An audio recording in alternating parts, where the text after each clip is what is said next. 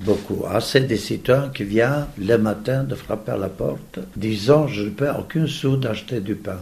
Et comment ça régler Les soldats qui étaient dans l'armée ont dit, voilà, je ne travaille pas, la famille ne travaille pas, j'ai trois enfants qui vont à l'école, comment ça paye? C'est le problème social qui est très présent